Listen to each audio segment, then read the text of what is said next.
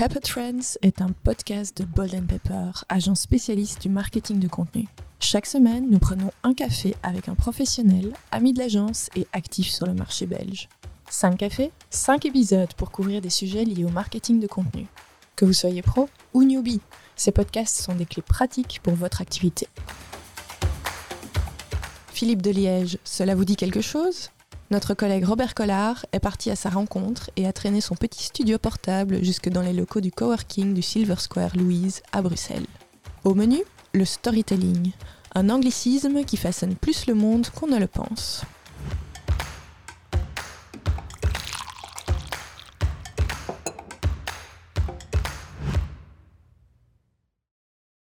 Bonjour Philippe de Liège. Bonjour Robert. Ce tout dernier café partagé autour du storytelling euh, est un peu spécial parce que je vais vous donner carte blanche. Philippe de Liège. On a euh, donc ensemble abordé les bonnes pratiques en matière de storytelling tout au long de ces différents cafés.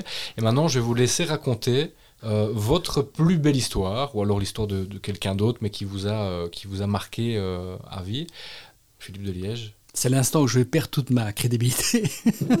je n'interviendrai pas pendant, 10 minutes. Oui, je me suis dit que j'allais parler de, de quelqu'un que, que, je connais.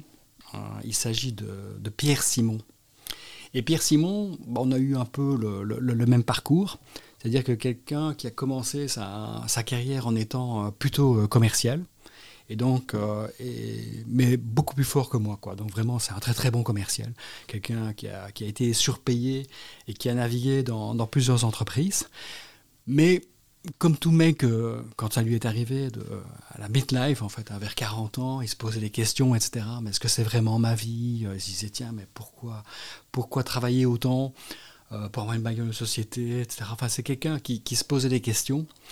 Et, puis bon, il a plusieurs trucs à gérer également, etc. Pourquoi il, a continué à être euh, commercial? C'est parce qu'en fait, il fallait quand même, il a, divorcé.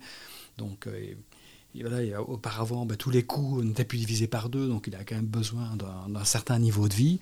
Donc, euh, il avait toujours cette échéance de, reporter ça. Alors c'est vrai que ben, quand il était quand même très très très amoureux, et donc pour couper son addiction, ben, c'était de, de s'occuper. Et il, notamment, ben, c'est un mec qui commence, Pierre Simon, à suivre des cours de théâtre.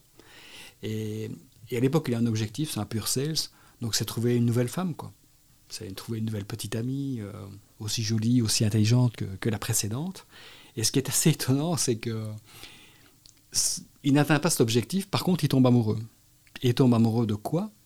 De bien dire un texte. Et donc, il se passionne, alors ce qu'il n'a jamais été, quoi. Donc, euh, il veut devenir, en tout cas, il est, très très scolaire et très, euh, enfin, il n'a jamais loupé aucun cours, quoi. Et donc, il a quand même fait ça pendant cinq ans. Donc, euh, d'une part, il est très très occupé commercialement, et il est également occupé euh, le, soir pour devenir un, acteur. Et puis un jour, il décide quand même enfin de suivre le, conseil de son père, de créer sa, sa propre entreprise, quoi. Et il crée sa boîte en termes de, consultance commerciale. Quoi. Et donc il dit, voilà, moi je suis un bon vendeur, je vais expliquer aux gens comment, comment devenir un, bon commercial. Et euh, ça prend, quoi. Tout de suite, il a quand même pas mal d'affaires qui, arrivent, etc. Donc au début, il avait peur d'avoir moins d'argent, mais finalement, il a le même niveau salarial qu'auparavant. Donc c'était pas trop, un trop, trop risque. Donc tout se passe bien.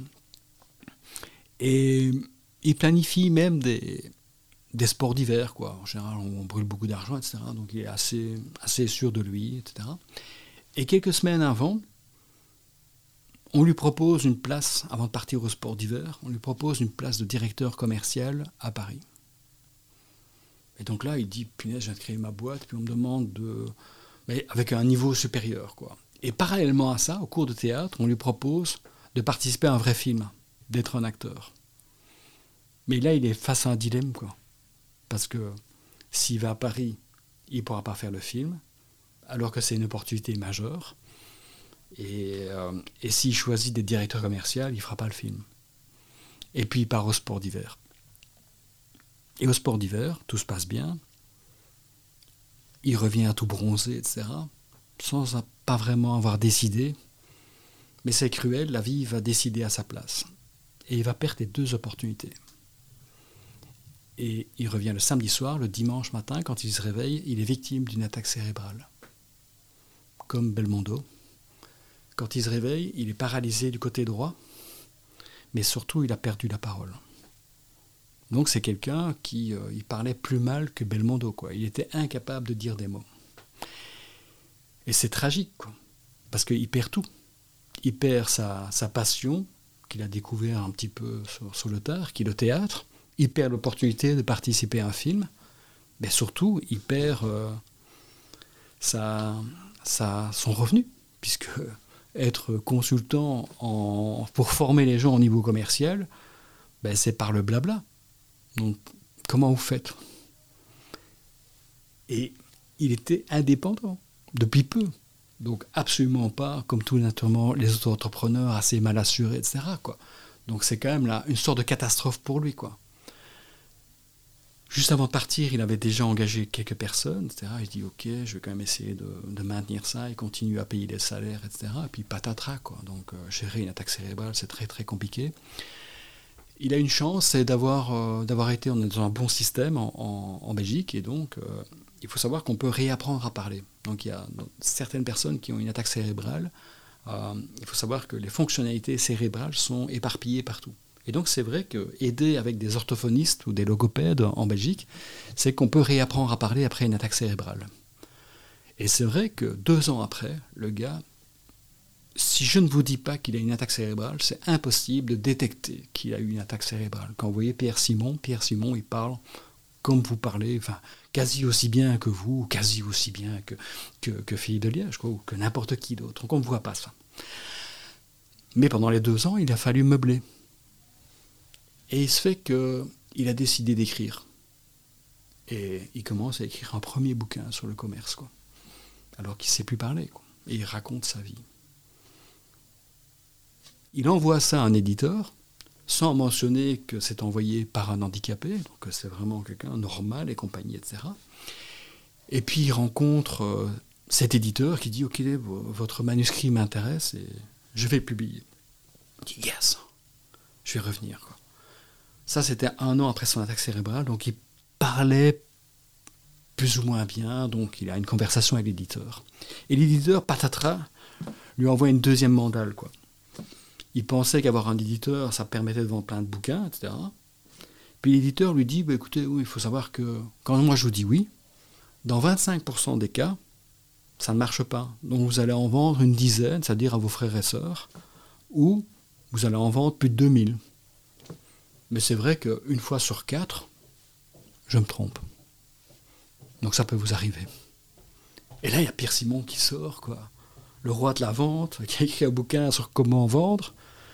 Ne, voilà, il n'en dort plus, quoi. Il se dit, mais c'est pas possible, quoi. Je veux pas être dans cette catégorie-là. Et Pierre Simon, il décide de devenir une star sur les réseaux sociaux. Et il commence à se vanter d'avoir écrit le livre de l'année et d'identifier des gens qui pourraient recommander ce livre une fois qu'il va être sorti. Et donc c'est vrai qu'il connaît la date de sortie.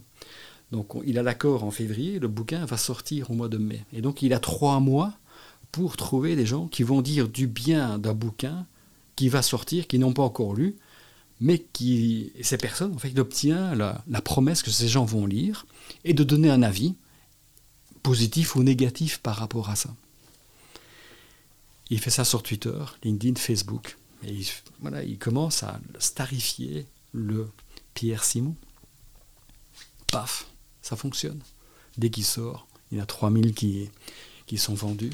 Après, il est appelé à, faire des, à donner des conférences pour expliquer son bouquin. Parce qu'il faut savoir que la plupart des gens ne lisent pas, mais par contre, ils aiment bien entendre les gens qui ont écrit les bouquins et de raconter des histoires. Alors Robert, j'ai une question. Est-ce que Pierre Simon existe?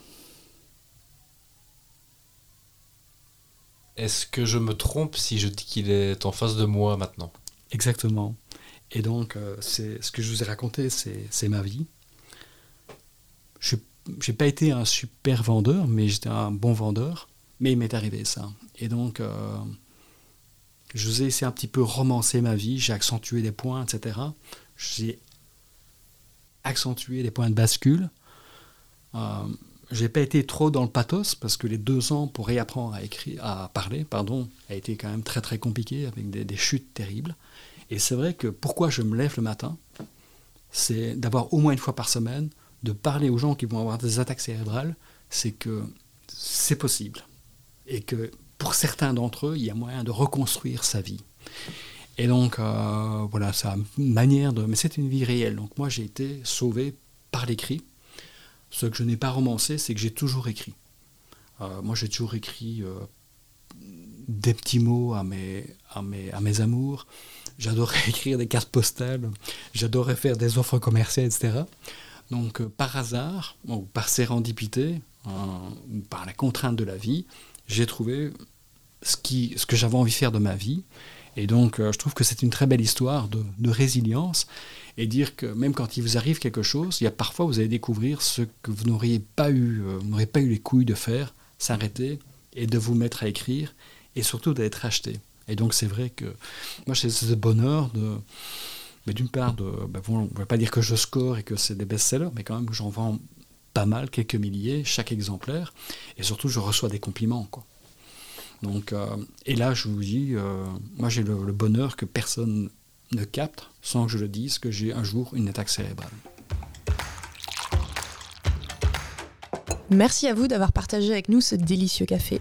Ce podcast a été concocté avec beaucoup d'amitié, toujours en essayant de vous apporter le plus de valeur possible. Vous voulez réécouter un épisode? Rendez-vous sur www.boldenpepper.be dans notre onglet Podcast. Envie de vous tenir informé de la sortie des autres épisodes ou de suivre les actualités de l'agence Bolden Pepper Gardez nos réseaux à l'œil. À très bientôt!